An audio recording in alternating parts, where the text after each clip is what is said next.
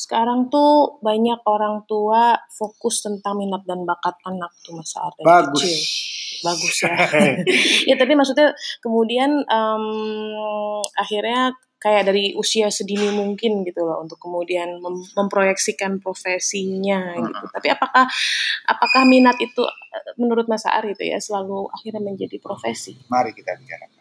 Oke deh kita ngobrol tentang itu aja kali ya. Oke.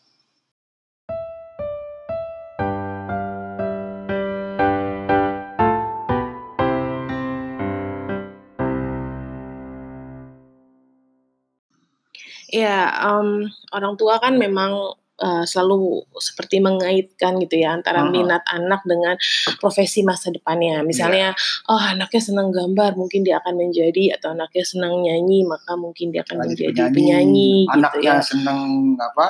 Komputer eh, hal-hal yang berbau dengan teknologi Iya. gitu ya. Terus kemudian Oh, dia mau jadi gamer, dia akan jadi Ah. animator, anaknya seneng pesawat, wow dia akan jadi pilot dan sebagainya. eh, eh, Ya, Padahal kan itu em, ya ada minat, ada bakat tadi ya, dan minat itu kan berubah-ubah ya gitu. Ya, ya, Kadang jadi- suka kereta, besok suka apa? Nah itu gimana tuh mas? Ar? kemarin kan eh, aku baru nganterin duta catur. Hmm. Ya, jadi tema ini juga kayaknya menarik karena kita baru kita sedang menemani anak-anak yang bertumbuh dan kemudian dengan minat yang yang lebar sekali.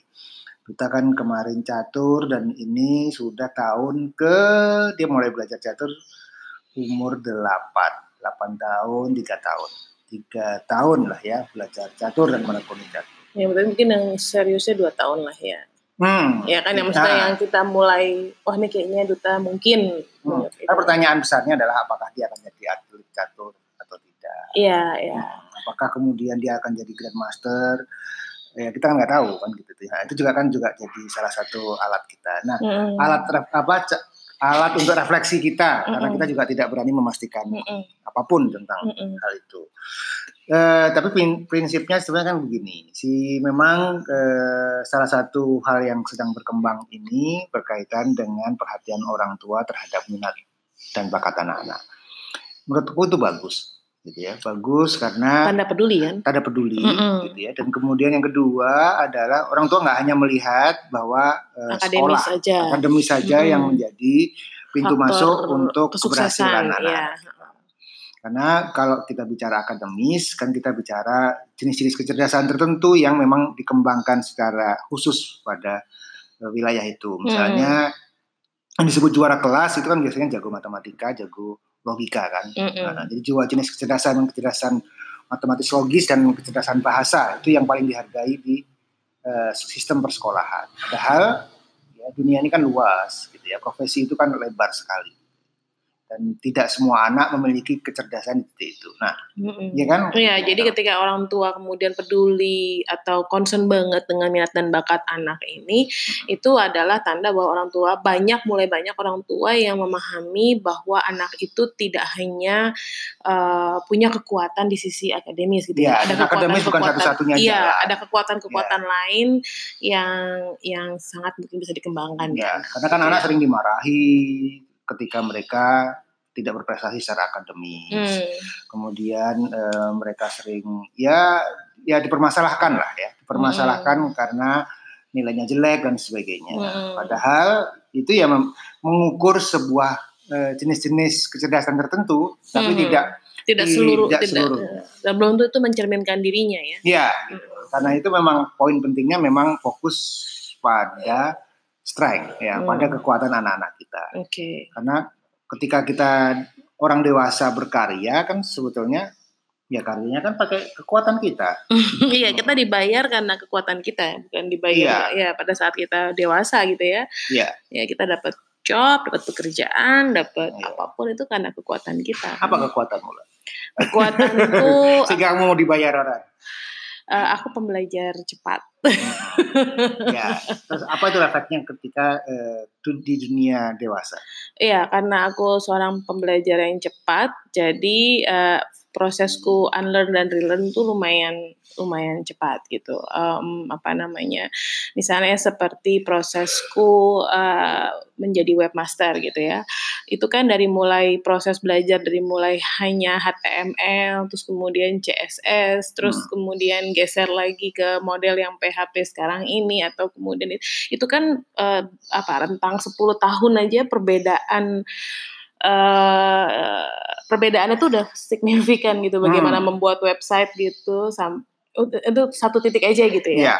Itu aja uh, buat aku berpengaruh karena itu mempengaruhi juga sama uh, kemampuanku untuk perform di titik itu gitu, mencari uang di titik itu gitu. Iya. Yeah. Hmm. Aku juga merasa bahwa misalkan kelemahanku, aku lemah di titik fisik gitu ya. Jadi respon fisik itu lemah gitu ya misalkan berkaitan dengan alat gitu ya, megang alat, kemudian hal-hal yang teknis segala itu kan aku merasa prakarya itu wah, itu lemah.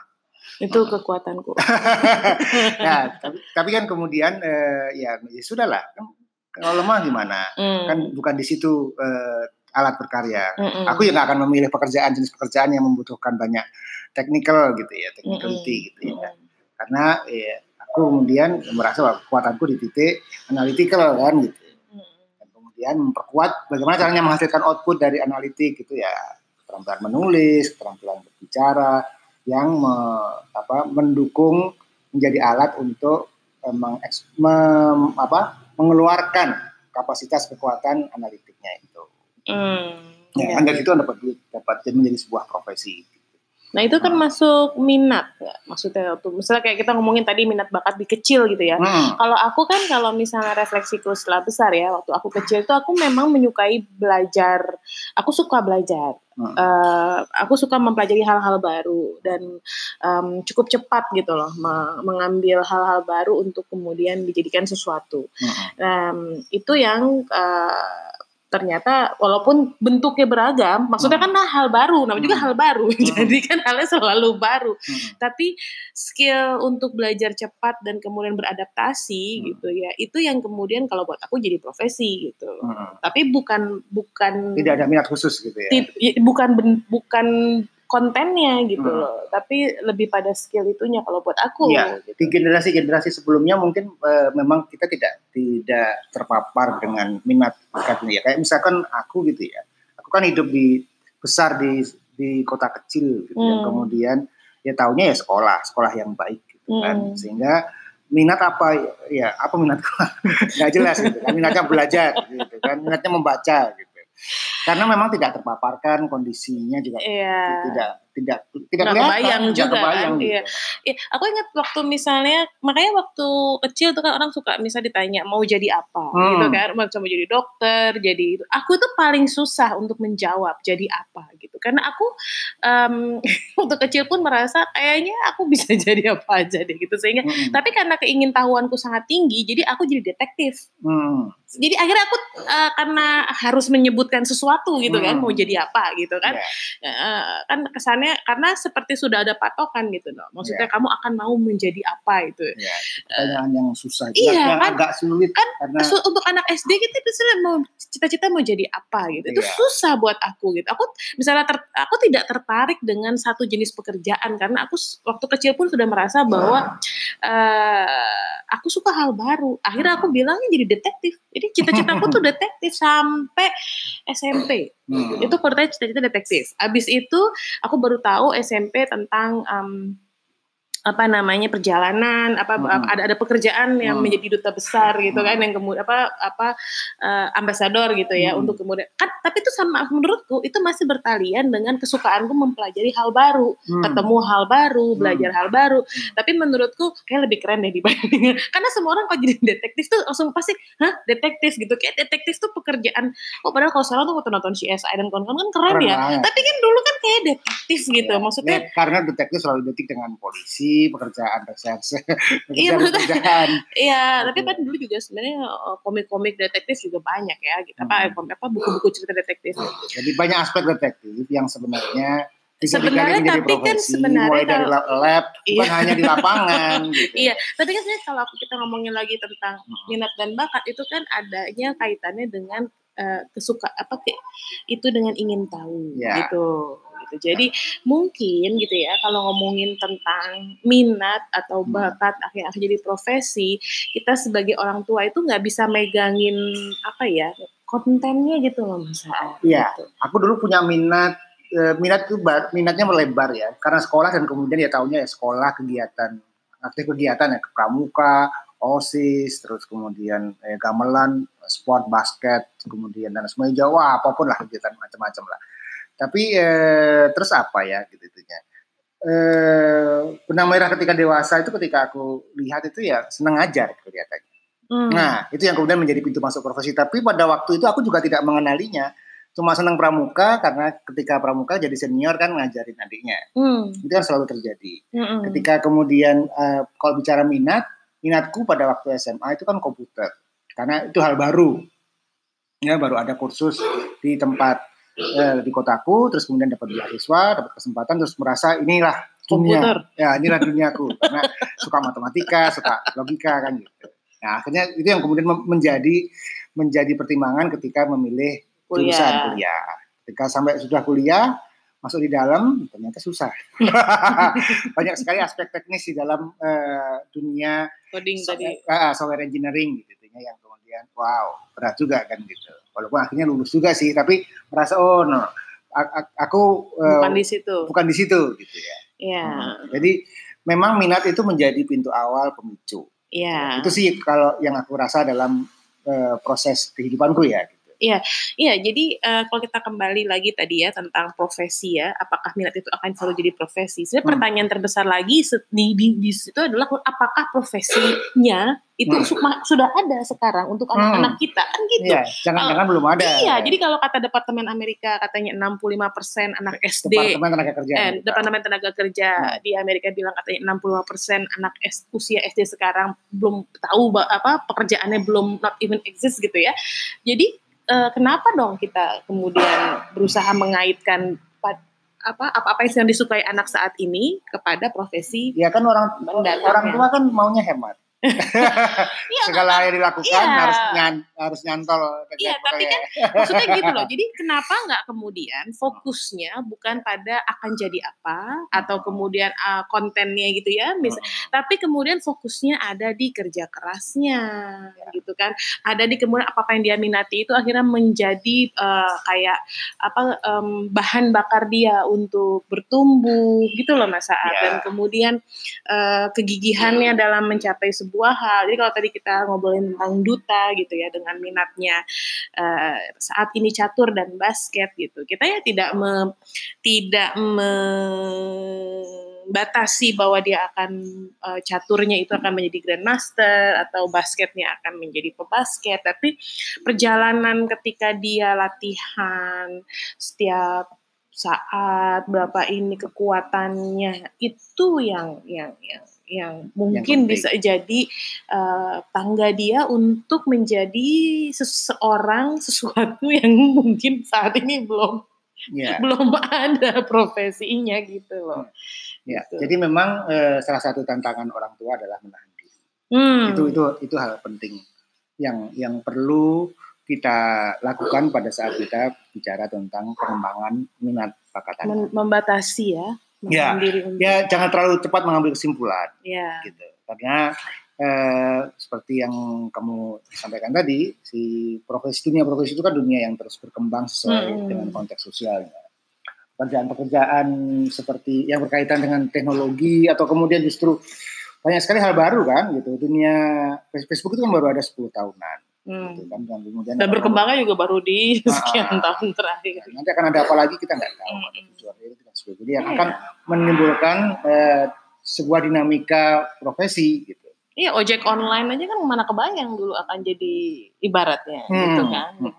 Jadi jadi eh, ketika kita bicara tentang minat gitu ya, memang eh, jangan terlalu langsung ditarik ke profesi. Mm-mm, itu Ya, satu. Satu. Mm-mm. Jadi hal yang paling bisa kita lakukan adalah bagaimana memanfaatkan minat anak itu menjadi sebuah proses yang Mm-mm. meningkatkan kualitas anak. Iya, jadi sumber kebahagiaannya dia. Sumber kebahagiaan. Iya, gitu ya. pintu pembelajaran. Ya.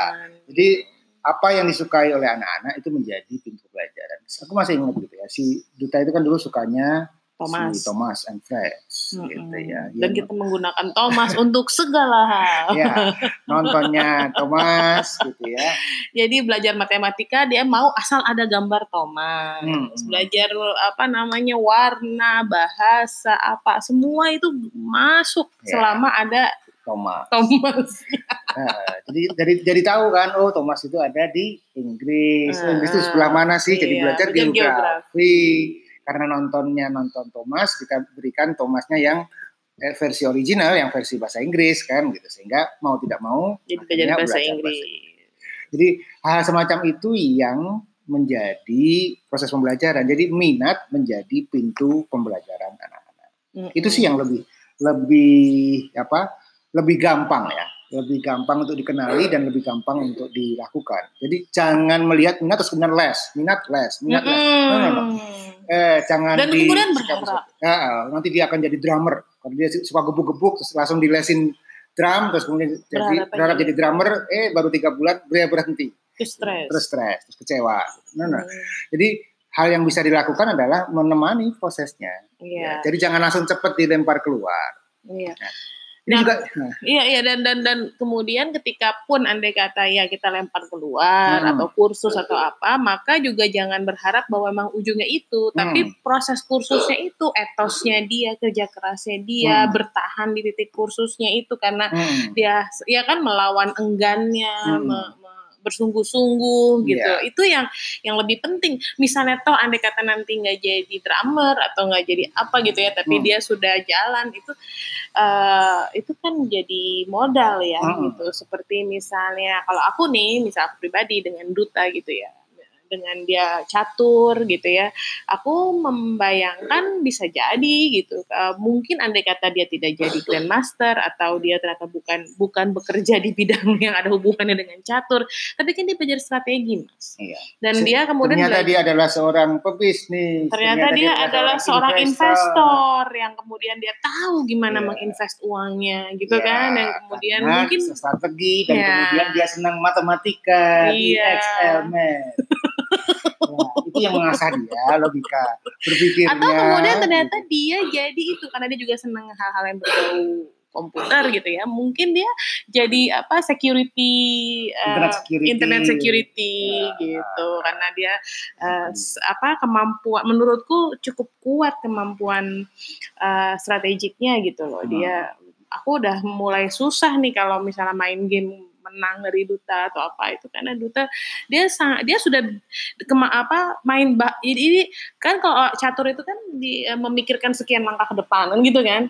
Nah duta itu seakan-akan itu terimplementasi dalam hal yang lain gitu loh. Jadi dia udah dia kalau misalnya aku tanya gitu ya aku tahu nih kalau dia tidak menjawab dia karena udah mikir "Ah, kalau aku jawab ini ibu pas jawab ini. Jadi dia dia ngambil waktu untuk menjawab gitu atau kemudian kalau main tuh dia ngitung ini ke sini sini dan aku rasa itu ya buatku sih itu berharga gitu bakal jadi, apa ya iya. nggak tahu nggak tahu jadi apanya.